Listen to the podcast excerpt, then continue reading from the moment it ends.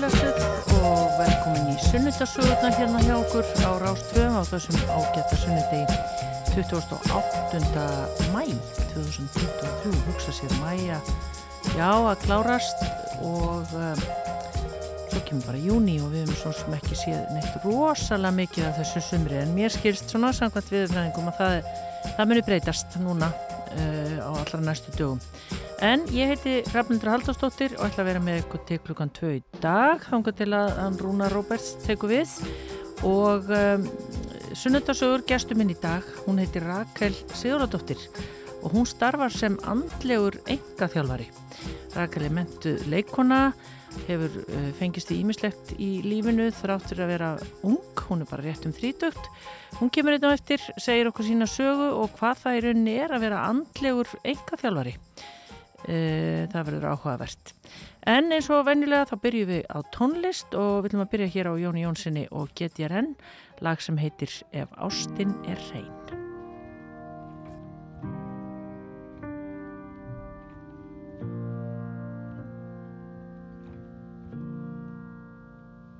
Þú falsar ekki kærleikan Hann endur speklar sannleikan Ég sanna sérst í augunum Þau hörfa ef í huganum Leynist fræ af efasemt Og burðast þú með sektakent Svo tölum bæð af hreinskilni Við lesum ekki hugsanir.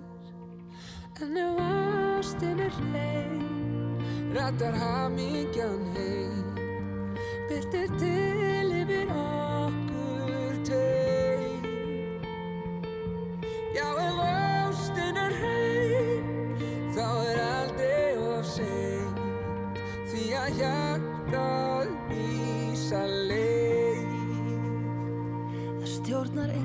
stefinu sem bergmálar í brjóstinu. Það efast allir einhvern dag. Við fytum bæði allt um það. Lofir þú að hlusta á mig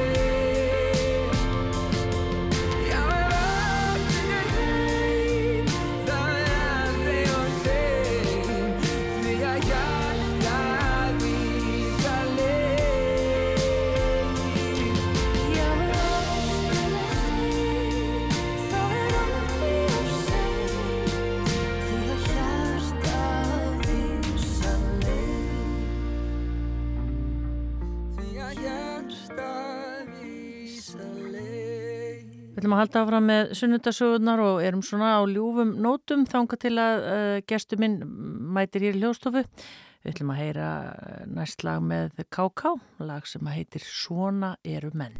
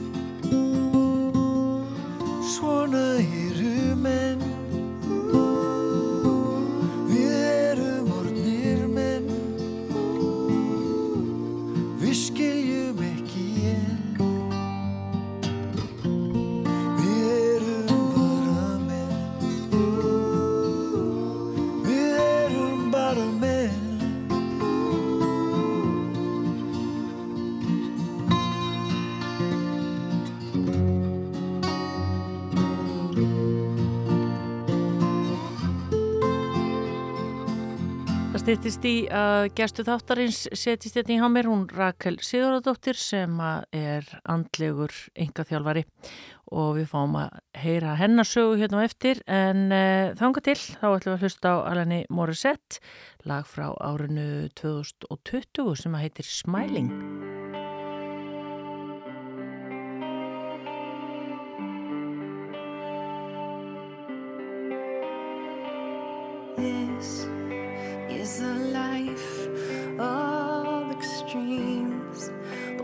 words are slippery and enticing.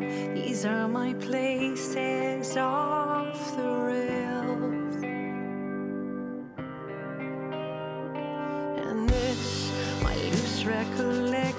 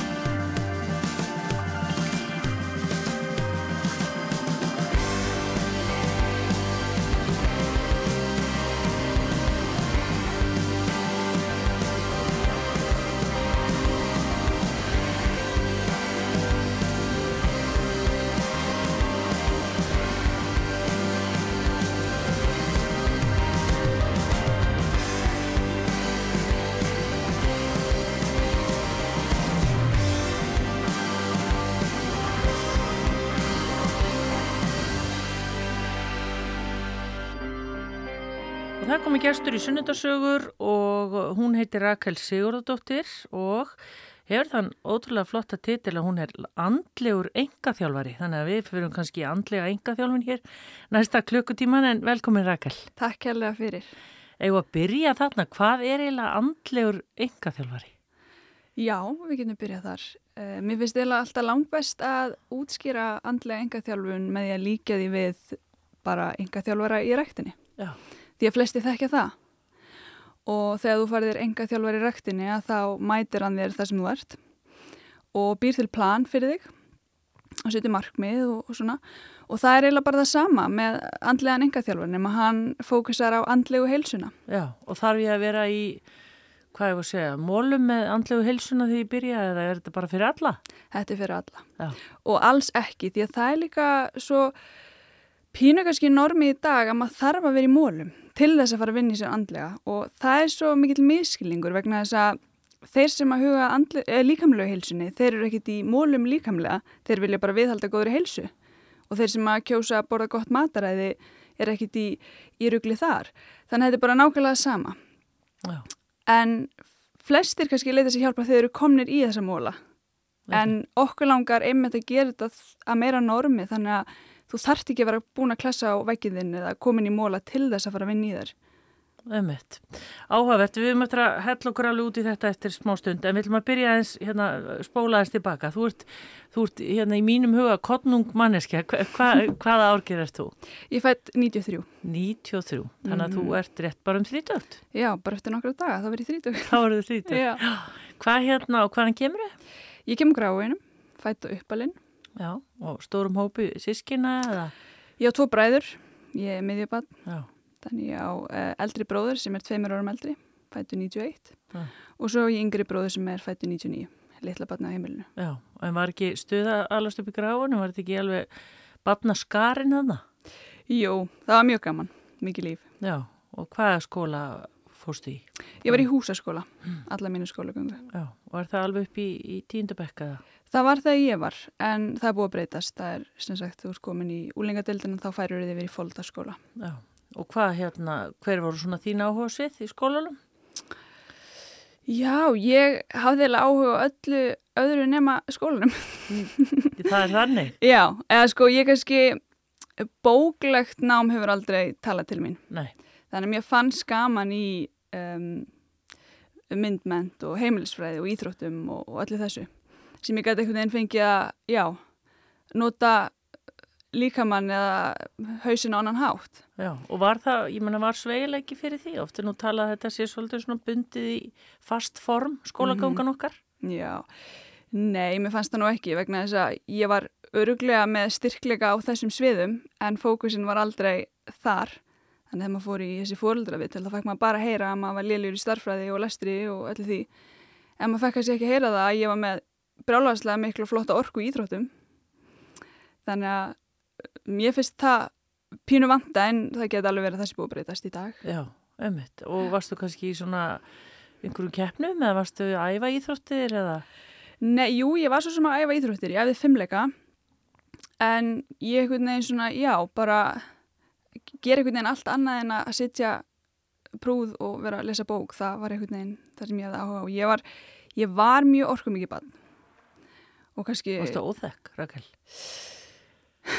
það fyrir eftir hvernig þú spyrir sko ef þú spyrir fóldra mína þá veit ég ekki ég, ég veit ekki hvort að og óþekks er rétt orði en ég var á við fimm börn eins og mamma mín lýsir mér sko Já. og ég var upp á takja söm ég held ég hafi bara svolítið skemmtilega krakki Já, lifand og skemmtileg. já, Já. En hvað hérna, ekki varstu þá eitthvað að ströggla með skólagönguna eða varstu að falla eða hvernig?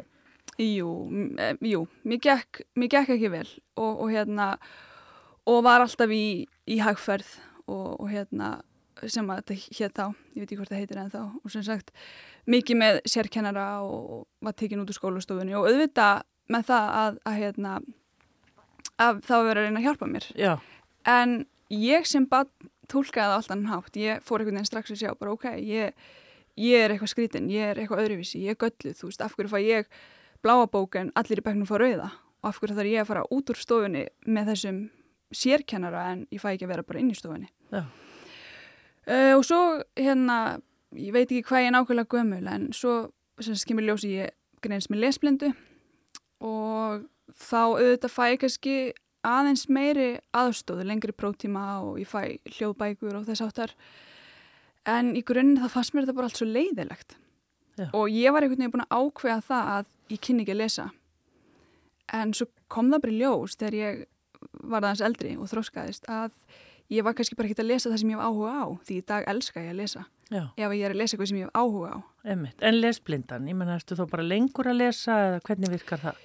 Mér finnst þetta koma fram hjá mér ég er ekki góð í stafsetningu og jú, ég er ekki kannski lengi að lesa en ég á það til að, að lesa kannski bók og ég les kannski línu 1 og svo er ég alltaf innu fann að lesa línu 5 Já. og fatta þá að þetta er ekki samengi þannig þá, það er eitthvað svoleiðis Já. en ég held að uh, sko ég les ágætlega Já. hratt Einmitt. En Rakel, viltu þá meina kannski á þessum tíma að þú hafi verið svona upplifað að, að þú væri bara einhvers annars flokks eitthvað, að einhver leiti hvert þessum með skólan? Já, algjörlega.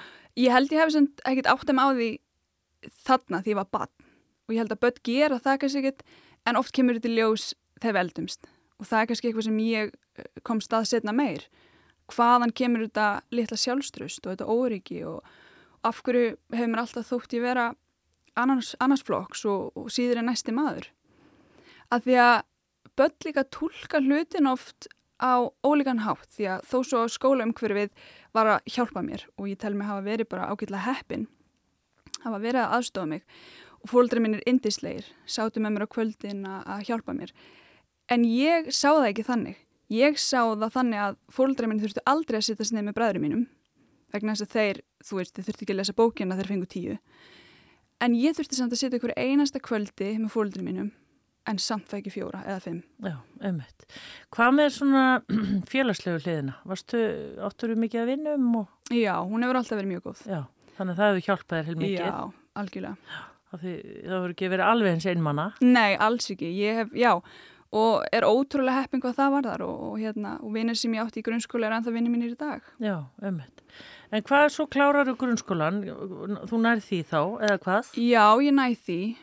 Ég fell í einhverju en, en hérna, kemst þó í skóla. En það finna er sko að uh, mér fannst ég einhvern veginn ekki í tíundabæk það voru ekki speint samrændi próf þegar ég var en það voru lokapróf og ég læði mig ekkert fram að því ég var bara með það svo mikið í haustum að ég væri bara tossi og ég gæti ekkert lært og af hverju ætti ég þá eitthvað að fara að reyna það ég kæmis hvað sem er bara í hverfiskólan sem að í mínum huga þá var tossaskóli sem er alls ekki rétt Nei, hugsaður upplifuninni. Já. Það er þá, hérna, það er borgarhóldskóli borgarhaldsskóli. Mhm. Og þetta, svona hugsaði þú Já. þá? mm Já, og, og draumurinn minn var sko, mér fannst mér heillandi að fyrir kvennó en ég sagði ekkert upp og ég held að enginn hafi vitað það því að það var bara ekki séns, þú veist, ég er ekkert að fara að komast þangað þannig ég eh, lagði mig ekkert alla fram í að læra og bara því ég var búin að ákveða að ég væri væri tossi Já.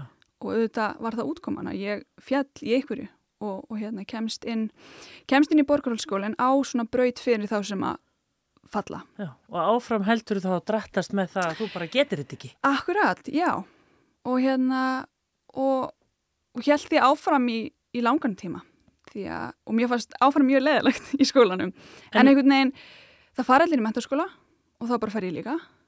Og, og þá er pínu hugafarið það sem að gera samt er ég kynnist leiklist svona fyrir alvöru í Borgó og þar var semst leiklistar áfangar uh, sjö held ég að talsins, ég tók það alla og það var bara skemmtilegast það sem ég gerði Og þú hefur þórað að standa á sviði og leika. Já, já, það hefur einhvern veginn aldrei, ég hef alveg þórað og, og ég held í leiklistinni þá fekk ég einhvern veginn bara tækifæra á að vera ég og bara einhvern veginn. Það er ekki beint einhverju reglur að tveir pluss tveir eru fjórir, þú ert bara einhvern veginn þú og þú gerir þitt og næstum maður gerir sitt. Mhm. Ég held að það hafi svona pínu hylla mig. Já. Og þarna sagt, bara ferðu einhvern veginn að fá mikinn áhuga á leiklist. Já, það eiginlega kviknar þarna. Já. En viniðinni, fóru þeir og þessi sem eh, hérna voru svona umgegs mest í, í grunnskóla, fóru þeir í aðra skóla eða? Þurftur að kynast alveg nýju fólki eða? Sumir aðeim fóru í aðra skóla, já, en það voru nokkur sem að komu í borgu líka. Hérna, en við kynntumst líka fleiri, fleiri nýjum krökkum. Einmitt. Og hvers konar leiklist var þetta? Ég menna, voru það að sína stóra síningar eða hvernig virkaði þetta? Nei, þetta var ekki svoleiðis, þetta var meira bara vera að kenna manni alls konar bara leiklistatækni og framkoma og alls konar leiklistaræfingar. Það var á þeim árum sem ég var í borg og var ekki neitt rosalega virt leikfélag því það er það sem sér um síningarnar en það var í gangi um, fyrsta ári mitt og ég tók þátt í því. Ég var enda mjög feimin þá mann ég, enda bara 17 ára gömul. Já. uh, ég leik mús í Lísi Hundralandi. Litla feimna mús. Já, Já, en samt stórt skref. algjörlega Já. og það er mjög gaman. Og þú útskrifast þá með stúdispróf úr borgarhaldsskóla, eða hvað? Já, ég geri það en á þessum árum þá held ég að ég myndi ekkit útskrifast. Ég bara fjall og fjall og fjall og ég held að og auðvitað þessum árum þá var ég eins og margir úlingar, ég djamaði mjög mikið, hafði gaman að lífinu. Þannig að skólinn var einhvern veginn bara alveg mjög aftalega en svo einhvern veginn þegar það fór að líða á og ég fór að sjá að vini mínir í kring voru að fara útskrifasfljóðlega ok, þú veist, ætla ég að vera bara eilifa stúdent og, og hvað ætla ég að gera Þannig ég held að þá hef ég fengið pínu svona, já ok, átti mig á því, ég þyrsti kannski aðeins að fara að brettu bermar. Og ég gerði það og ég var heldur búin að falla fjóru sinum, fimm sinum í einhverjum starfra áfanga. Öruglega að því ég var ekkit búin að leggja neitt inn í hennan áfanga en mér, ein- mér finnst starfaði erfið. En maður þarf þá bara að hafa eins meira fyrir því. Já. Og ég tek mig til hérna og, og skráði mér í sömarskóla í FB í starffræði og ennsku fög sem að mér reyndist mjög erfið og ég var að fá 7, 8, 9 því ég bara, eina sem ég gerði var að læra ég fór í enga tíma og ég bara lærði og lærði Já. og þarna fekk ég einhverja von bara, ok, þú ert kannski ekki svona mikill tossi eins og þú vilt meina, þú ert kannski bara að hafa eins meira fyrir því og, og fara öðruvísi leið Já. Og varstu eina læra eða hjálpaði þér einhver eða hvernig? Ég var ein en pappi minn hefur eins með mjög vel og er sterkur í starfræð þannig að hann satt með mér á kvöldin og, og aðstofa mig og mjög þólinmóður því að þegar eins og maður veit starfræði þegar maður er ekki að ná þessu, maður getur verið mjög pyrraður en svo þegar ég náði þessu að þá var það bara ótrúlega skemmtilegt. Já, þá kemur einhver bara svona ný sín á. Já. Já. Og þetta þýtti þá það, gastu þá útskrifast með vinniðinu með hvernig? Sumum af þeim, ég útskrifaðist, ég tók þetta fjóri og hálfu ári en það var sérst fjárara nám þegar ég var og ég tók þetta þarna útskrifast um, um jólin Mm. Við vorum þá, já, tvær aðrar vingunum mína sem útskjöðust líka. Þannig að það hefur verið stolt Rakel sem að setja upp hvítu húna. Og heldur betur. Það var þetta búið. Já, Já. En þetta segir náttúrulega heilmikla sögu, Rakel, þegar Mhm. maður fer að trúa því að maður geti hlutina. já og, og sýnir þetta ekki líka bara hvað hugurinn berði alla leið. Já, einmitt. Mhm. Frábært. Jæja, og hvað gerist svo? Svo gerist það að ég var harð ákveðin í að ætla að fara í leiklistunum. Og það kemi ekkert annað líka reyna en að fara í listaháskóla Íslands. Vegna þess að ég var átti erfitt með ennsku og ég gæti ekki ímyndað mér að fara út í nám. Þannig að það var eina sem komst, uh, já það var eina sem að, að hérna, ég vildi gera. En á þeim tíma var inntökupröfur bara annarkvært ár og, og hérna ég er útskrifast þarna jólinn 2013 þannig að það var ekki inntökupröfu fyrir í janúar 2015 og ég hugsa ok, hvað get ég gert í þetta ár? Mér langar að, mér langar að gera eitthvað. Og ég er kvatvís og er farin að sjá ekkert í dag sem kost fyrir eitthvað en galla. Og ég segi við mamma mín að það væri nú gaman að flytja eitthvað að fara sem au pair og hún segir já, þú veist, það hljóma vel. Og ég segi, mér langar að fara eitthvað til ennskumælandi lands vegna þess að ég held, ég hafi innst inni vitaða að ég færi út í nám þannig að ég var einhvern veginn að byrja að undirbúa mig. Og ég segi mér langar ekki að fara til Bretlands ég hef farið ángað, mér langar ekki að fara til Ameríku ég hef líka farið ángað og mér langar ekki til Kanada ég hef farið ángað og þá segir mamma, já, en Ástralía slegið og mamma sá mjög mikið eftir því að hafa sagt þetta Já, því ég bara tók þetta og ég var held ég búin að finna mér fjölskyldu eftir nokkra vikur Já. Var það í gegnum einhver íslensk samtöku eða hvernig virkaði þetta bara? Nei, það voru alls konar auper síður, bara hún gast hérna, já, fundi fjölskyldur og ég, já, er kannski pínu þannig að ég vill ekki taka negið sem svari. Þannig að ég fer og leita mér að alls konar fjölskyldum og þá kemur ljós að Íslendingar mega ekki vinna í Ástralju og flestar fjölskyldur vilt ekkert taka það að sér. Þannig að ég gefst ekki upp og ég finn fjölskyldu og þau eru til og segir ok, þú kemur þá bara ólöglega og ferð á túristvísa í staðan fyrir uh, workingvísa. Og það eina sem ég þurfti að gera var að sína að ég væri með nokkra miljónur á bankabók og ég rettaði því, fekk það lánað, uh, bara millivært inni mig og tilbaka og já, Og út fórstu? út fór ég. Og hvar, hvar í Ástralíu? Ég flutti til Canberra sem er höfuborgin. Já. Og þarna mætir þú bara og hvernig fjölskylda var þetta? Hún var, hún var indisleg en þetta var, þetta var skóli og hérna ég sem sagt, já ég flytt þarna bara hvort ég sé að flytja þarna annan janúar 2014. Og þá er hásumar hjá þeim, eða ekki? Eða hva, Jú, þá er hásumar, ég mæti þarna að það eru 42 gráður Vá. og ég er með mjög hvíta húð og rauðar þannig að þetta var góð blanda. Uh, já, fjölskyldan var indisleg og þetta var sem sagt uh, ástralsk kona og, og, og ástralsku maður en hérna með filipískan uppruna og þrjú börn á aldrinum 3 til 9 ára. Og konan tók mér bara ótrúlega vel, en það var alltaf einhver tókstrætt á milli mín og, og hérna mannsins.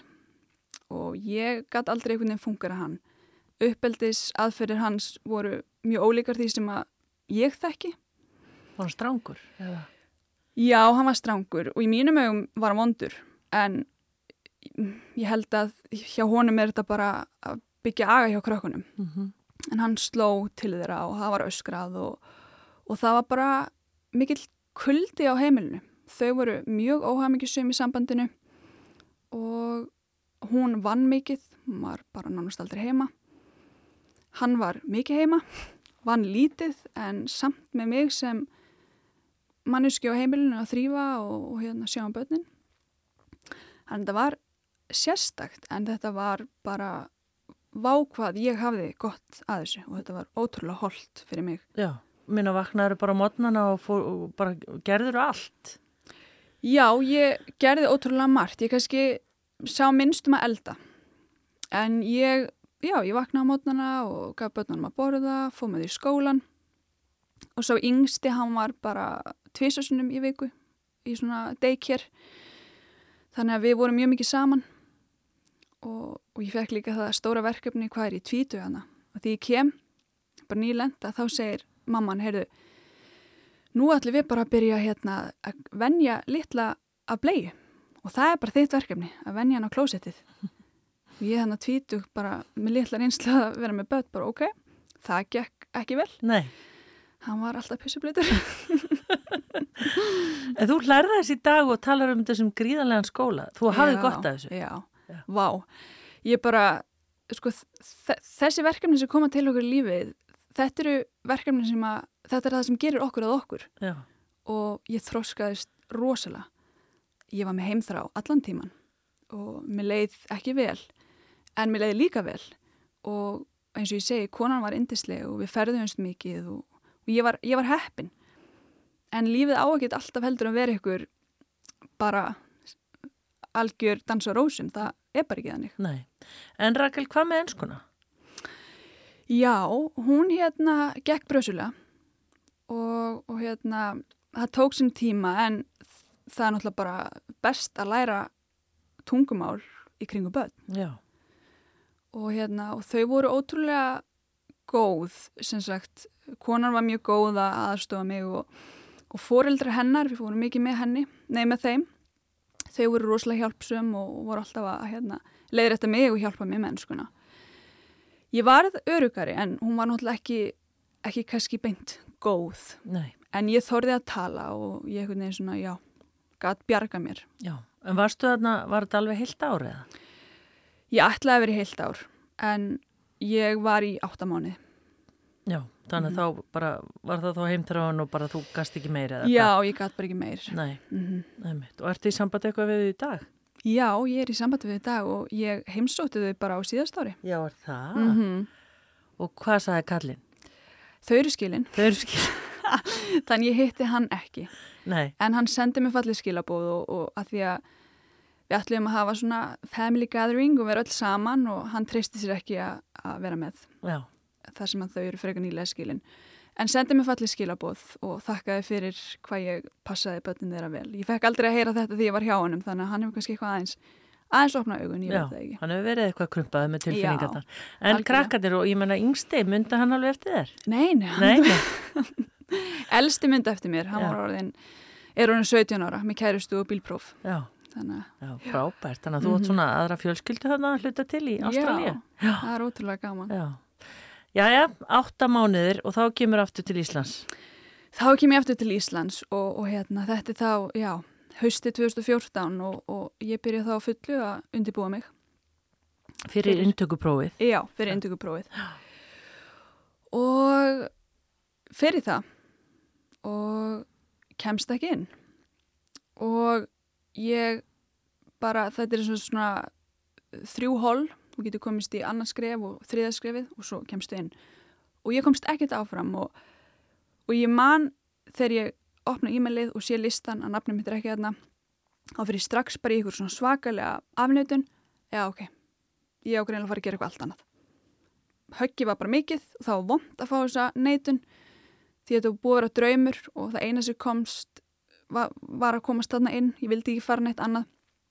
En ég hugsa ok, ég á greinlega ekki að fyrir leiklist og fyrir að vinna bara og, og hérna skráði mig svo í Háskóla Íslands þannig um haustið 2015 Já, skráði í félagsráðgjöf og er þar í tvær heilar vikur já, svo mikið. búin að skráða mig í kórin og, og var bara all-in sko, Já, sem er mjög lýsandi fyrir mig. einmitt. En, tvær, en að tveimu viklur okkur þá hvað? Já, ég var búin að kaupa hann alla bækurnar og, og ég er mjög samvinskusum þannig ég fór þannig eins og ég segi all-in. Svo var ég búin að vera í tvær, þrjóður vikur og það eina sem ég gerði í tímanum var að skoða leiklistaskóla Erlendis. Og ég man að ég rætti þetta við mömmu og mamma segir, Hakli mín, þú veist, geðu svo allavega önnina, vitandi að ég er kvatvís. Og ég segi, já, ég kannski geri það. En ég fann það bara svo stert að ég átti ekki heima þarna. Þannig ég, ég skráði mig úr náminu. Og ég var með vinnu mínum í, í náminu og, og ég se, segi við hann að ég hefði skráð mig úr skólanum og hann segi, hvað, þú veist, nei, þú verður að gefa þessu önnina. Ég ætla alltaf að gefa þessu önnina. Og hann var búin að skráða sig þarna held ég formaði nefndafélags og allt. Svo held ég að líði nokkri klukkutímar þá ringir hann, hæ, ég er líka hættur. Þú er haft þessi áhrif á það? já, já, við erum svona frekar líkvarandi þetta, Já. svona. En varstu þá í millitíðinu búin að finna einhvern leiklistaskóla í útlöndum? Já, ég var alveg búin að koma auga á alltaf hellingur á skólum hana. Og þarna fer af stað uh, það ferli að ég segjum í fullt af skólum. Í London eða? Já, bara í Breitlandi. Það voru sumi skólar sem voru ekki í London. Og ég held að þetta hef verið, ég man það ekki, 5-6 skólar sem ég segjum og fer ein út þarna í desember 2015 í pröfur í öllum þessum skólum. Hvernig var, ég, bara, ég hef oft hugsað um það að fara í svona pröfu og þegar maður er ekki að tala sitt eigi tungumál. Það er erfitt. Er það ekki? Jú. En svo holdt. Og ég náttúrulega hafði þarna einu sinna aðfært til Breitlands og ég hugsaði ok, ég er frá einn og koma mér á milli borga. Það var hann skólar í öðrum borgum og, og hérna, og pappi minn hann bjargaði mér og, og setti bara upp plan, þú veist, þú tekur þessa lest þangað og þessa þangað og hann ég hef með þetta allt útprentað. Þetta gekk. Ég fór í, í þessa pröfur og þær gengur misvel. Hvað á maður að gera svona pröfum? Er maður bara að dansa og syngja og leika og... Þú byrjar, sko fyrst að skrifa þá ertu í flestum tilfellu með tvo einleiki, annar sem er svona klassískur og eitt sem er í bara venjulegur. Og stundum er svo þriðji sem að þú mátt bara velja. Og, og hérna, og já, þetta, þetta gekk allt vel. Nefn að ég, það var í einni pröfunni sem að ég var svo stressuð að ég bara, ég fröys. Og það var spennufall og svona í, sem fylgdi því, fór upp á hótelherbríkja að gráta og ég ætla aldrei aftur í leiklistapröfi, ég held þetta hafi verið fyrsta pröfa mín. Já, Svo bara einhvern veginn nær maður að safna upp krafti og það kemur nýja dagur og maður er tilbúin næstu pröfu. já, Þannig að hérna, já og, og þetta sem sagt var þannig að ég kemst ekki inn í neitt af þessum skólum nema mér býðist að komast á svona byðlista hjá einum á skólum. Og ég hérna tók það ákvörðun að, að hérna, þegar fólk myndi byrja að spyrja mig hvort ég hefði komast inn í skólan að ég var á þessum tíma að byrja að pæla svolítið í og hef alltaf haft áhuga á andlegum efnum, sem sagt svona pælingum og var það nýbúin að lesa bók um uh, svona lögumál aðdráttarapsins að þú átt að segja og tala og vera alveg eins og þú vilt að drauminu sé þannig að þú vilt þú sért komin í leiklistaskóla þá áttu bara að tala eins og þú sért komin inn í leiklistaskóla við þig eða við aðra? Eða því ef þú talar um það aðra, erst þú ekki að ljúa? Jú, uh, ég var ekki vist þarna og, og hérna en hugsaði bara, ok, þú veist, ég var stætt og stöðt að segja við sjálf á mig, bara þú veist, ég er komin inn í skólan ég var ekki að segja við aðra. En svo gerist það að ég sést að vinna í, í hérna mötunit í sjálfsbörgarheimilinu og, og það er hann að konu sem að vinna með mér og er að spyrja, þú veist, ó, hvernig gekk? Og, og ég segi, ég er komin inn. Og það segi, vá, til hamingi ég segi, já, ég komst inn í skóla og ég er að flytja út í haust. Og ég var ekkert komin inn í skóla. Nei. Uh, ég var ekkert að segja hvaða skóla en ég var bara búin að ákveða það að í, í haust var ég að flytja út og ég væri komin í nám í leiklist. Uh, ég er ennþá á byggðlista og það auðvitað bara var ekkert komin eitt svar þar. Svo er komin mæ og flestir skólanir búin með pröfur og ég sagði ok, veist, ég er þá bara að fara að flytja út í haust og fá mig vinnu. Svo fæ ég símtal frá frængu minni og hún segir hæ, herru ég er hérna að lesa mokkan það er einhver leiklistaskóla að koma með pröfur til Íslands í mæ, næstu helgi og ég tjekka því og hm, ok, aldrei heyrstu minna skóla skrái mig og ég kemst inn Þá er hann með pröfur á Íslandi. já, fyrsta skipti og eina Og hvaða skóli er þetta? Dramastúdíu á London Já, já. Og þá bara rúlar þessu upp. Já, ég held að það sem hafi gest var að ég var pínu bara búin að sleppa tökunum. Ekki það ég var búin að gefa upp voninni ég kemist inn, en var komið mæ og ég var bara að fara að flytja út um haustið og fá mig vinnu. Ég var búin að fara með þessa mónulóka nokkur sinnum og ekki það að mér hafi verið sama en ég var ekki eins stressu ég hafi verið fyrir hérna pröfunar. Ég hafi bara miklu meira gaman af þessu. Já. Og hann er hvar þessi skóli? Er hann í London eða? Hann er í London, í útkverfi sem heitir Ealing. Já. Og þetta er í mæ og flyttur þú út bara í ágúst eða? Já, skólinn sem sagt byrjaði ekki fyrir í oktober en ég flytt út í, já, byrjun september. Við viljum að gera östu hlið hérna, Rakel Sigurðardóttir, andlegur engaþjálfari, er gestu minn uh, hér í sundarsögum, ótrúlega sagan hennar, við viljum að fá östu hlið og uh, förum af stað eftir smástund. Þá höldum við áfram í sunnundasögum með um engan tíma að missa Rakel Sigurðardóttir, við erum án svo spennt, þú ert komin til London í uh, leiklistaskólan sem þú náðir induguprófið þegar þú komið til Íslands og fengur fólk í pröfur og hvað, hvernig leist þér á? Þetta var sjokk. Þetta var, fyrsta vikan var strax erfið. Ég sem sagt, já, ég flyt hana nokkur vikum áður en skólinn byrjar og flyt sem sagt inn með uh, fimm, fjórum öðrum sem voru með mér í náminu og hafði aldrei hitt á þeir, við vorum bara búin að hópa okkur saman á, á Facebook og, og hérna, ákveðum að lega okkur hús saman. Allstaðar að, fólk allstaðar að eða bara... Já, sko, eitt þeirra var Ítali, ein er dönsk og svo voru þau tvö bresk. Já, Og já, ég mæti hana og fer í húsið og það var strax pínu sjokk því að þetta var bara, já, ógislegt hús. Man var auðvitað að reyna að finna sér ótýra leigu og, og góða staðsendingu en það var bara, já, það var frekar supulegt og hérna, og já, ég semst býð þar fyrstu þrjá mánuðina og námi semst byrjar en, en svo flyt ég og þessi danska stelpa saman í íbúð sem var mjög huguleg já, borgum aðeins meira en, en erum þó tvær þar. En að skólanum, já, ég sem sagt byrjaði hann í skólanum og, og líst ótrúlega vel á þetta en þetta var sjokk, aðalega tungumálið. já, Og ég þorði ekki að tala og ég var svo stressuð um að segja eitthvað vittlust og þarna voru fullt af bretum með flottan hreim og, og líka nokkrir krakkar sem voru að koma annar staðar af, Ítalíu og, og hérna Tyrklandi og, og Danmörku. En þau voru bara miklu betur en ég ennsku þannig ég fór ennþá meir inn í skilina mína. Og svona tók ég þetta fyrstu vikutnar að ég eiginlega bara þagði í tímanum. Og það er fyrir eitthvað flókið þú ert í leiklistanum. Já, emmitt, ég get ímyndið með það. Þannig að eftir nokkra vikur að þá segir skólastjórum við mig sem var indislega maður, hann segir, heyrðu, ég ætla að fá að spjalla við hérna bara skrifstofu og, og segir bara, rækli mín, þetta gengur ekkert. Þú getur ekki lært tungumál eða þú talar ekki. Og ég segi, jú, ég er svona bara að taka þetta inn og meðtaka og nei, nei, þú verður bara, nú verður þú bara að taka skrif út fyrir þægindaramann og byrja að tala. Það er enginn að fara að hlæja að þú gerir eitthvað vittlust og fólk dáist að því að þú ert að koma úr öðru landi í leiklistanám og tala annað tungumál. Og ég hugsa, ok, þannig að það er ekki reynilega eitthvað aðeins að taka stórt skrif út fyrir það endramann sem ég geri og, og auðvitað byrjar þá boltin að rúla og, og hérna og bara eins og með allt, mann þarf að æfa sig og þá kemur þetta. Já, og það hló enginn. Það hló enginn og, þessi krakka voru indislegir og, og þeim fann, þau voru bara með stjörnir í augunum að, að ég væri að koma í leiklistina að tala annað tungumál.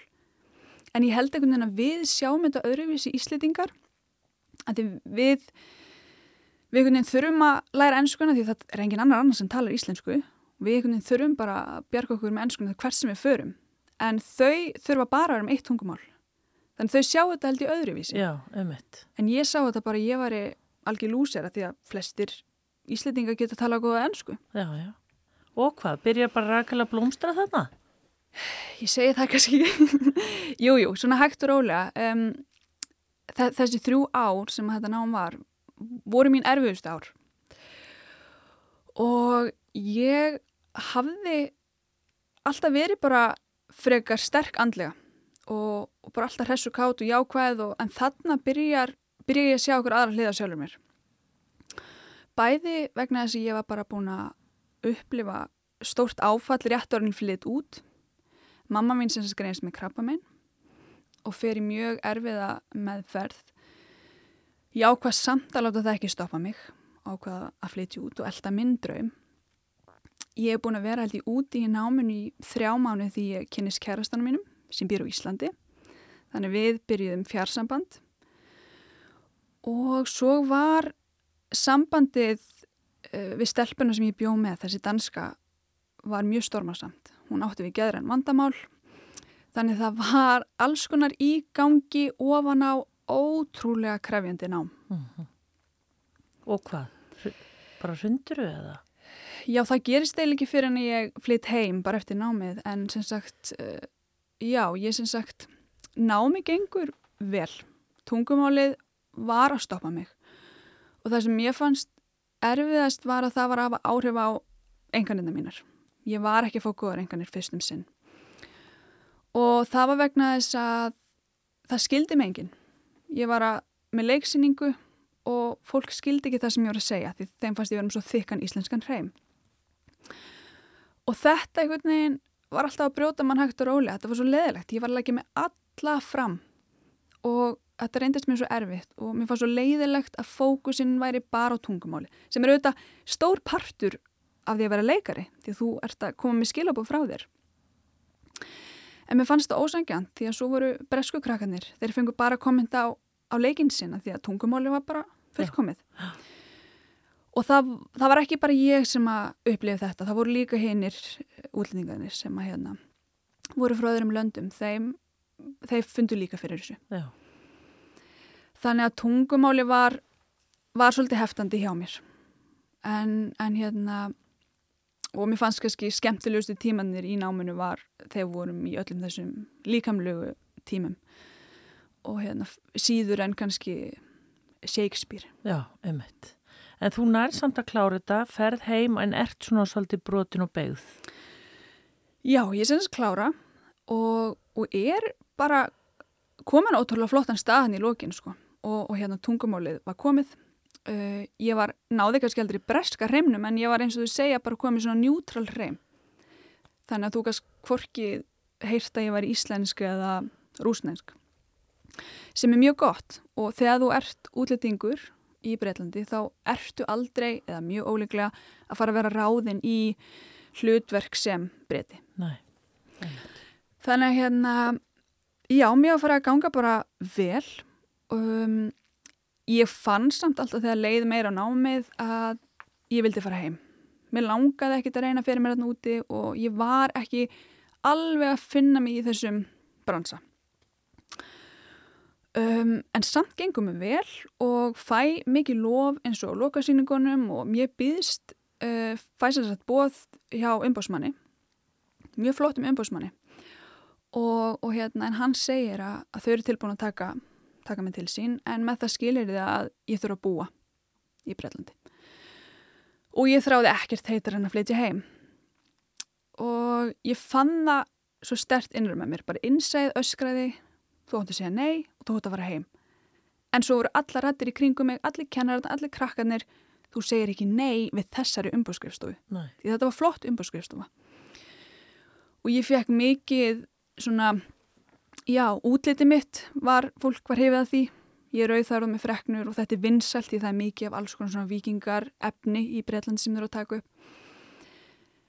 En ég þurfti að, að búa úti og ég fór með þetta í margar hengi og þetta auðvitað allir með kvíða og allt það því að skilabúðin úr þess rátt var að ég ætta segja já og vera úti en innræð með mér vildi ég segja nei en það var samt eitthvað svo rámt því þetta var svo gott tilbúð en ég fylgi hjartanu og segi nei og flytt heim og það er sem sagt já, 2019 og er þá strax búin að ráða mig sem leiklistakennari í Álfhólskóla í 100% starf og eiginlega bara um leiðu flytt heim og byrja í því starfi þá bara skelli á veginn sko.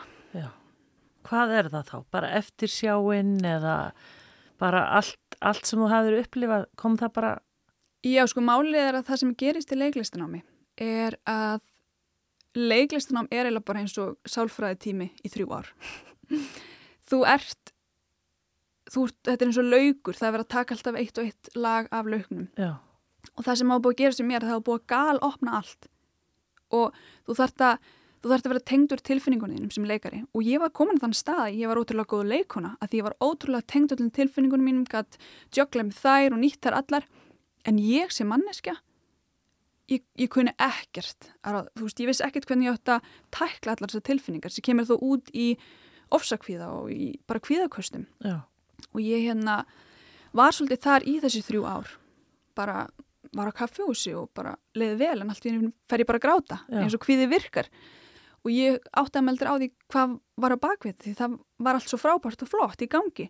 En það er bara þegar það er búið að opna fyrir allt æskan var að poppa upp eitthvað sem ég hef aldrei pælt í að væri eitthvað sem ég þyrsti að vinna í skólagangan mín og bara einhvern veginn allt saman, það var allt komið á yfirborðið og já, þegar það gerist þá bara hrýnum maður. Já, og hvernig hrundur? Ég menna, varstu bara óvinnufæri eða? Ég mætti í vinnu en ég held ég hef aldrei eins oft tringt með en veika því ég er mjög samvinskusum. En ég, já, þetta er bara, þetta er ótrúlega, ótrúlega vondu staður að vera á og ég bara, já, mætti í vinnuna en var bara kvíðin alla daga, bara með þannan sterkan hnút í maðanum og því ég tók strætu heim eða hjólaði heima þá var ég bara grátandi. Og kvíði er þannig að maður sefur ekki vel. Nei. Þannig að varstu komin á einhver lif eða þurftur að fá okkur svoleiðis aðstóð eða? Nei, ég fór aldrei á neitt svoleiðis um, og ég bara einhvern veginn að því eins og ég sagði á þann að þá hef ég alltaf haft ótrúlega mikið áhuga á bara svona andleri vinnu og hef í gegnum tíðin að lesi mikið af svona sjálfsræktarbókum og, og hérna og hef haft áhuga á því lengi. Þannig að mér langaði að bara kafa djúft og, og gera þetta sjálf. Bara fara í djúpa sjálfsvinni og taka til. Já. því ég var alveg búin að átta mig á þarna að þarna var bara allt og mikið komið upp á yfirborðið. Og, og þó ég sagði áðan ég hafi verið góð andlega áður fyrr að þá samt sem áður var þetta bara svolítið mikið að grímum Já, já, já. og bara sköldur og, og þegar mamma mín greinist þarna með krabba minn ég man ekkert eftir því að hafa liðið illa að því ég hugsaði bara, þú veist, þetta rettast, þetta verður allt frábært og þetta bara fer allt í góð átt sem er frábært að vera með þannig viðþorf en við verðum svona að mæta öllum þeim tilfinningum sem koma og það segir sér sjálf þegar svona áfall að það koma alls konar tilfinningar og maður þarf að leifa sér að sitja í þeim og upplifa þær, annars bara fara þær í bakbúkan. Já, já, einmitt. Er mamma einn á lífi í dag eða? Já. Já, þannig að hún komst í gegnum þetta. Já, hún er ennþá að eiga við sjúkdóminn, þetta er ólæknalegt en, en hún á gott líf. Já. Mm E, það er ekki á hverjum degi, Rækkel, sem að fólk veginn sem segir frá svona hlutum nær einmitt að stíga og spinna upp. Mm Af því að sömur bara lenda það svona harkala vegnum að þeir eru bara þurfa eins og segir að fá bara hjálp og lif og alls konar. Já, algjörlega og það er svo frábært að það sé til fullt af fólki að núti sem að er að hjálpa og, og lifin eru frábær. Það er frábær hækja fyrir fólk til að komast í gegnum þetta. En einhvern veginn að þá var mér bara ítt í þessa átt og, og hérna, já, ég sagt kláraði þetta ár sem leiklistakennari og, og eins og ég hef búin að segja þér að þá held ég að ég hefði notið mín miklu betur í þessu starfi ef ég hefði verið fungerandi andlega. Já, Því ég var bara ólík mér. Ég er ekki, þetta er ekki ég. Ég er ótrúlega lífsglöð, ég er jákvæð, ég er hress að hérna, en með kveið fyrir hvert einaskiptið að kemi bekku til minn inn. Því ég væri, þau voru að fara átt þessu á því að ég væri bara algjör, skilur, ég kunni ekki neitt og ég var heimsk og allt þetta. Þannig að allt þetta gamla úr, úr æskunni var þarna komið á yfirborðið sem ég held ég var búin í burtu en það virka bara ekki þannig. Þetta er alltaf til staðar í bakbókanum og það var staðan hjá mér. já. Og hvað er það fyrsta sem hún fær að gera fyrir utan það að þú ert búin að lesa það mikið til? Meina, hvað, hvað gerir maður, hver eru fyrstu skrefin þegar maður ætlar að fara að byrja í andlegu vinnunni, almennilega? Já, sem betur fyrir er náttúrulega bara fullt í bóðið hann úti en ég, mér langaði alltaf og hafði alltaf hugsað að ég væri til að vinna við eitthvað þannig að ég myndi hjálpa fólki og mér langaði svolítið kannski að fara að halda fyrirlestra og tala um jákvætt hugafar en var auðvitað bara sjálf í ruggli þannig að það var ekki alveg að passa saman Svo bara eins og svo ótrúlega margt í lífinu að þá hérna, er verið að leiða mann alltaf stöðugt í einhverju átt og það poppa bara auðlýsing upp á Facebook hjá mér kennarnám í andlegri engaþjálfun og það talaði til mín. Það sem að þetta nám er þannig sett upp að þú fær sjálfi gegnum mjög mikla sjálfsvinnu því að markmiðið sem andlegri engaþjálfari þá eru við að vinna með hann jafningi á grundvöld þannig að allir þeirra andlegri engaþjálfari sem eru þarna úti að starfa þeir hafa unnið í sér. Þú getur ekki hjálpað öðrum eða þú ert sjálfur í ykkur krumpi. Ég held að það sé freka flókið. Já, emitt. Já, Og, og hvernig fór svo vinna fram? Bara krifja alveg þangu til að alveg aftur í það að þú byrjar í skóla eða hvað? Já, þetta er sem sagt fór fram bara á netinu Já, og hérna með viðtalstímum og alls konar verkefnum á netinu og við byrjum bara á botninum. Við byrjum líku við þar sko bara þegar mamma mín er ólítið mér. Hvernig var umhverfið? Hvernig leiði mömmu minni? Því að við byrjum strax að mótast þarna sem er magnað, sem ég vissi ekki af og, og hérna og bara að skilja okkur því við erum einhvern veginn alltaf í einhvern veginn svona fæt við okkur sjálf, þú veist, ó, okkur þarf þú að vera svona hins einn, förum frekar að sína okkur skilning vákvæði skil að þið líður eins og þið líður út af sögunniðinni Já. og þarna fer ég já, eða bara fyrsta skipti að kíkja í baksinnispeilin og áttam á því ég var með bakpoka sem við erum auðvitað öll með og sá æskuna mín í öðru ljósi. Að hérna, já þó að var, ég fekk frábæra æsku en börn tólka umhverju sitt á allt annan hátt og, og eins og ég sagði að ég var ótrúlega orkuð mikið batn og það fór fyrir mér og öruglega mjög krefjandi. Að eðlilega þá færðu alls konar skilabóð, þú veist, hagaði þér og hætti sem látum og þú veist alltaf fyrir og allt þetta þetta fór inn í kerfi mitt og ég fór að lesa þetta sem batn bara, mm, ok, þú veist ég má ekki vera ég sjálf Mhm. þannig ég fór alltaf að minga mig og ég fór að íta sönnu mér í burtu og fór að haga mér eins og samfélagi vill og eins og kennararnir vilja og þetta er aldrei sagt í þeirri meiningu að pota puttunum á fólkdæri minn og segja þau gera eitthvað rámt því þau gerir ekki neitt rámt Nei, þau vissu bara ekki betur. Nei og sko sko máli er að þetta snýst kannski ekki heldur um það, þetta snýst líka bara um að þú ert að gera það besta í þinni stöð en barnið tólkar alltaf hann hátt Já. þú sem foreldri þarft auðvitað að aga barnið til og segja því að vera ekki hlaupand út um allt en barnið tekur það annan hátt þess vegna er svo mikilvægt þegar við erum komið þroska og getur til, setna meir að fara að skoða hvað við erum að burðast með í bakpokanum því að við sem börn og úlingar sjáum hlutina kannski ekki alltaf í réttu ljósi Nei. En hvað tók svona, eða hvað tekur svona eh, nám í andlir enga þjóðan langan tíma? Ég meina, hvað, er það mismunandi hvað fólk er lengi að vinna sig í gegnum þetta eða? Já, það er auðvitað mismunandi. Námið er samt sett upp, þetta er tæplega eitt og hálft ár, en þessi vinna heldur áfram út lífið. Já, Þú fær í gegnum svona mikla djúpa vinnu að þú ert komið ótrúlega góða svona grunnvinnu og búin að gera grunninn mjög vel. En svo bara einhvern veginn heldur áfram. Því að hægt og rólega verður allt þetta sem úrst að tilenga þér jákvætt hugafar og allt þetta, það fyrir alltaf að verða meiri partur af systeminu þínu. Því við þurfum að, við þurfum að endur forrita okkur og það tekur tíma. Þannig að eftir ár að þá ertu komin að þann stað að þú ert kannski fann að sækja ósjálfrátt meira í að hugsa bara jákvætt heldur en áður fyrr en þú þarfst að halda þessu við út lífið alveg eins og það dugur ekki að fara í rektina í fjóramánu og aldrei aftur eða byrja eftir jólin og, eða Akkurat. janúar. Já. En hvað hérna, ertu, sko, hvað maður að segja, þú horfið tilbaka, þú veist, ertu reið, ertu bara, ó, það hefði ekki þurft að fara svona. Það hefði verið hægt að byggja mig upp öðruvísi sem krakka og þá án þess að þú sért að dæma einhvern einn eða neitt. Nei, alls ekki vegna þess að eins kannski kleysukent og hljómar en allt er eins og að vera. Og ég væri ekki svo sem ég er og á þeim stað ef ég hefði ekki fengið að upplifa mitt.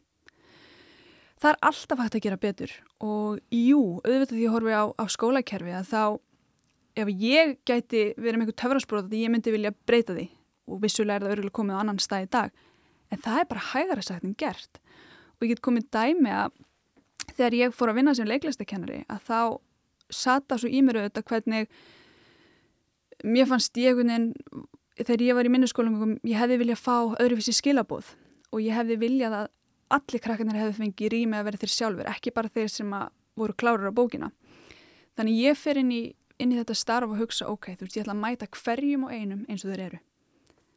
Það er bara ótrúlega erfitt og ég gata ekki. Mm vegna þess að ég ætlaði að mæta þessum einstakling og ok, þú þarft ekki að gera þetta vegna þess að ég ber skilning fyrir þessu. Þá kemur bara strólan og segir af hverju þú veist? Þannig það er hægara en gert og ég ber svo mikla virðingu fyrir þessu starfi að vera kennari. Það er ekkit grín. Nei, þannig að hérna nei, ég held að þetta átti ekki að vera neitt öðruvísin en þetta var. Nei, ummitt.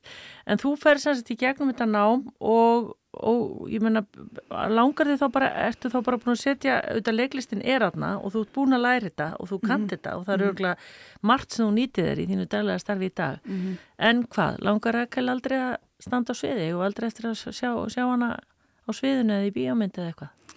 sko, engin veit sinna æfur nöllir Nei, en, en hérna jú, veistu það er ótrúlega gaman að leika. En mér, mín upplifun er þannig að þú þarft að vera með sko 200% ástríðu á þessu sviði til þess að komast eitthvað áfram sem ég tel mig ekki hafa. Og, og mér þykir þetta ótrúlega skemmtilegt en ég hef kannski ekki þessa miklu ástriðu að bara endast. Og ég reyndi alveg fyrir mér fyrst um sinn, fór í pröfur og, og hérna en það var kannski ekki heldur að virka því ég var bara á slæmum stað andlega. Mhm. en ég er bara einhvern veginn búin að velja með það motto að taka ekki neinar ákvarðanir því ég er svolítið gjötna á að segja bara þú veist, mér langar ekki að vera leikuna eða nú ætla ég að hætta að vera andliður einhver þjálfari ég er hægt að segja það að því ég er búin að kynast mér og ég veit í dag að ég er, ég er algjört fyrirldi ég gæti á morgun þess að vera búin að skræma í pípulagnir. Já, og fólki mitt er orðið bara mjög vandi að hérna þannig að eins og ég segi, engin veit sinna æfyrir öllir og ég er opinn fyrir öllu. En, en ég er kannski ekki beint að setja fókusin þangað eins og er nei. Hvernig eru svona dagarnir hjá þér í starfiðinu sem andlegur engaþjólari? Af því að eins og ég segi, ég ringdi þig og heyrðumst, þá, þá hafði ég einhvern veginn ekki heyrt þetta hugtak, þetta væri til. Nei. En hvernig, hvernig eru dagarnir? Þeir eru alls konar. Ég, sem sagt, sko, ég starfa sjálfstætt sem andlegur engaþjálfari og tek mína kuna í tíma en ég er líka kennari í náminu. Það er kennarnám í andlegur engaþjálfari er ennþá bara í gangi og ég held að sé útskrifaði 30 hérna, andlegur engaþjálfari í dag. Ég var sérst í fyrsta hópnum og fljótlega eftir ég útskrifast þá eh, er ég semst ráðin sem kennari og, og kenni með hrafnildi sem er eigandi andlegur engaþjálfunar. Og þar eru við með 20 konur í náminu eins og er. Það eru konur aðalega, eða hvað? Það eru konur en kallmenn eru hjartanlega velkomnir. En, en ég menna, er engin and, karl andlegur engaþjólari? Ekki eins og er. Halló, halló, þið er þarna úti. Já, Já. er, það- er að hlusta? Akkurat, þannig þeir eru sko hjartanlega velkomnir að koma og, og það er náttúrulega, væri náttúrulega frábært Já, því að þeir ná kannski betur til þá kalla. já, Og við erum einmitt að fara í gang með nýjan kennarhóp í september. Skráning er opinn í fulli gangi. og fyrir hver er þetta? Hvað það maður að hafa? Hvert sem er, engan grunn, bara áhuga á að vilja hjálpa öðrum og, og vilja til þess að taka til í bakbúinu sínum. Og hafa það kannski bakvið er að þetta er erfið vinna og, og þetta er samt líka skemmtileg vinna. Já. Þetta er bara fyrir alla. Já. Alla þá sem að vilja vinna í sér og hjálpa öðrum. En ertu að fara að hitta, af því að engaþjólari minn, hann hitti mig í einhverju líkasættastöðinni. Mhm. Hvar hittu þú þitt fólk? Ég heiti mitt fólk í gegnum netið. Uh, ég var fyrstum sinn að taka fólk heim. Ég er ekki með það eins og er, en það er líka bara mismunandi eftir andlegum enga þjálfurum. Sumir eru með aðstöðu út í bæ, sumir taka heim. Í flestum tilfellum er fólk að taka í gegnum netið og það er bara eila mesti áhug fyrir því. Við erum svolítið pínu komið þangað að fólki finnst bara þægilegt að hérna, geta tekið annarkvort tíma heimahjálpsráðum fyrir vinnuna eða beint eftir vinnu eða þurfu ekki að skottast á milli staða. Þannig að ég er að taka mína kuna í gegnum netið og líka í kennaranáminu. Mhm. Og svo er þetta bæði, kennaranámið eru þetta öðruvísi að því leiti að þú ert að læra meðla til annara. En þetta bæði er þannig að þú ferðin á innri vef sem fær aðgangað og þar er alls konar efni. Og líka fólk sem kemur bara í andlega þjálfun og vil bara vinna í sér. Það, sem sagt, prógram er 12 mánuðir og það fer þá mánaðarlega í viðtalið mér, bara í gegnum tölvuna. Fær alltaf aðgang eftir hvern tíma af nýju mánuði og í hverju mánuði er vissur fróðleikur. Eins og í mánuði eitt þá er ég að taka fyrir æskuna og þá er alls konar lesefni inn á vefnum til að lesa sér betur um æskuna. Það er eh, bók sem ég nefni, sem ég mæli með að lesa sem tengist æskunni, bíómynd og alls konar. Og svo er fólk, sendir fólkin vikuskýslur einu sinni viku þannig að ég er í stöðum samskiptu við kúnanum minn. Þannig að ég fylgjónum eiginlega hvert skref. Já. Ef ég væri núna hjá þér í tíma, við Mhm. værim bara komna svolítið að stað, Hva, Mhm. hvernig myndi tíminn vera? Ef þú væri að tala um getur þú komið smá svona, Já, það fyrir náttúrulega bara allt eftir því í hvaða mánuð við erum. já, bara segjum Þannig við ef svona, við segjum að við séum bara í fyrsta mánuð í æskunni, þá, uh, já, myndi ég spyrja þið alls konar spurningar bara út í æskunni, kannski pínu það sem að þú ert búin að gera við mig í dag. Mm. Bara, þú veist, segja mig frá fyrstu sjö áránum þínum. Já, og ef að þér finnst þau vera eitthvað sem að uh, þýrt að skoða betur, finnur þú það ef að viðkomandi segir frá einhverju og hakar þú þá við og segja að þarna mætti eitthvað að vinna Mm. betur eða hvernig? Já, við sjáum við sjáum þegar þú, þú lýsir æskunniðinu og segjum sérstaklega fyrstu sjö árunum að því að fyrstu sjö, átta árunum okkar erum við okkur mestu mótunar árum. Þá erum við einhvern veginn bara að móta systemi okkar sem við rúlum á ennþá dag í dag. Og ef að þú segir mig til dæmis þá sögu kannski svipa á mína að þið gekk íll í skóla og þú varst að fá skilaboð frá samfélaginu eða fórildrum að þú væri ekki að gera neitt nógu gott og það væri ekki nógu gott að fá fimmu. En í dag ertu eiga við uh, kvíða og lítið sjálfströst. Ég myndi sjá skýrt, skýra merkingu þannig að milli. Já, ömmit. Mm -hmm. Uh, svo sá ég, ég var að skoða hérna Facebook síðuna þína Rakel að þú hefur verið að fara með hérna konur til Bali. Mm Hvað er þar að sækja sem við fáum ekki hér? Er það bara öðruvísi umhverfið? Ó, það er sko indislegu staður. Já, hvað er að fá þar sem við fáum ekki hér? Ég held að það sé bara jákvæða orkan sko. Já, það hún er áþreifanleg hún hérna já, balíbúar lifa út frá þeirri trú út frá karma. Það sem þú gefur farið tilbaka. Og þeir vilja gefa þetta gott til þess að fá gott tilbaka sem er ótrúlega fallegur hugsunarháttur. Já. en já, við, semst erum búin að fara með tvær ferðir. Fórum í oktober í fyrra og í april á þess ári.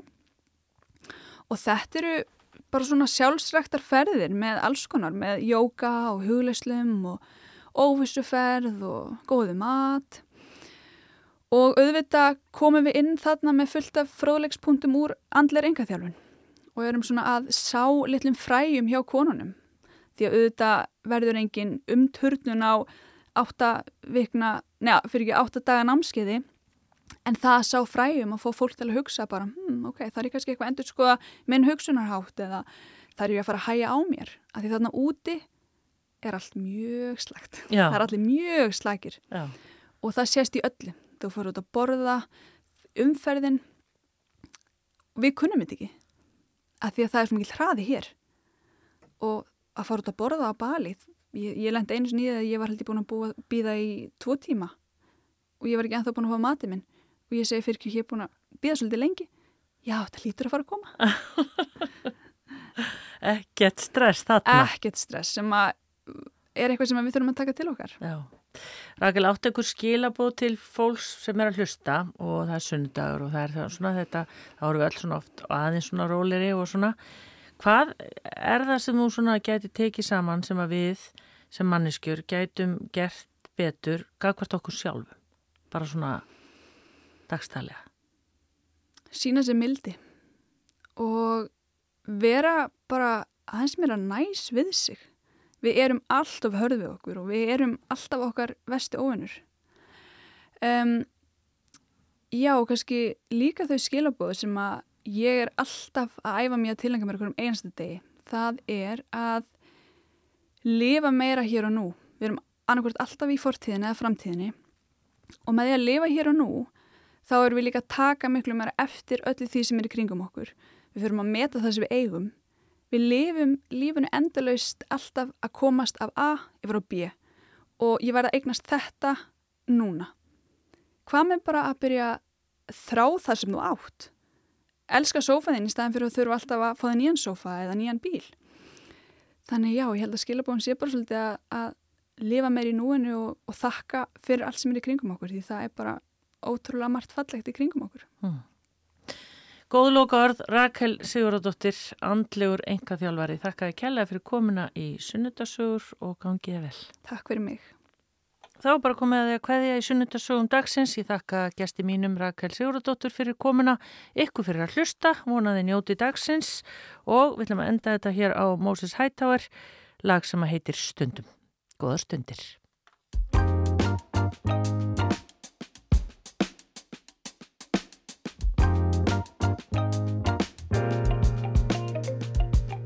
Típa Kimsteinn sem gæti þurft að slípa. Vel hærður og tendur Vel hirtur, vel ægt bókar færður. Vel vinklaður. Góð bein. Og fyrir lengu laus lús og nýtt Hár og sklór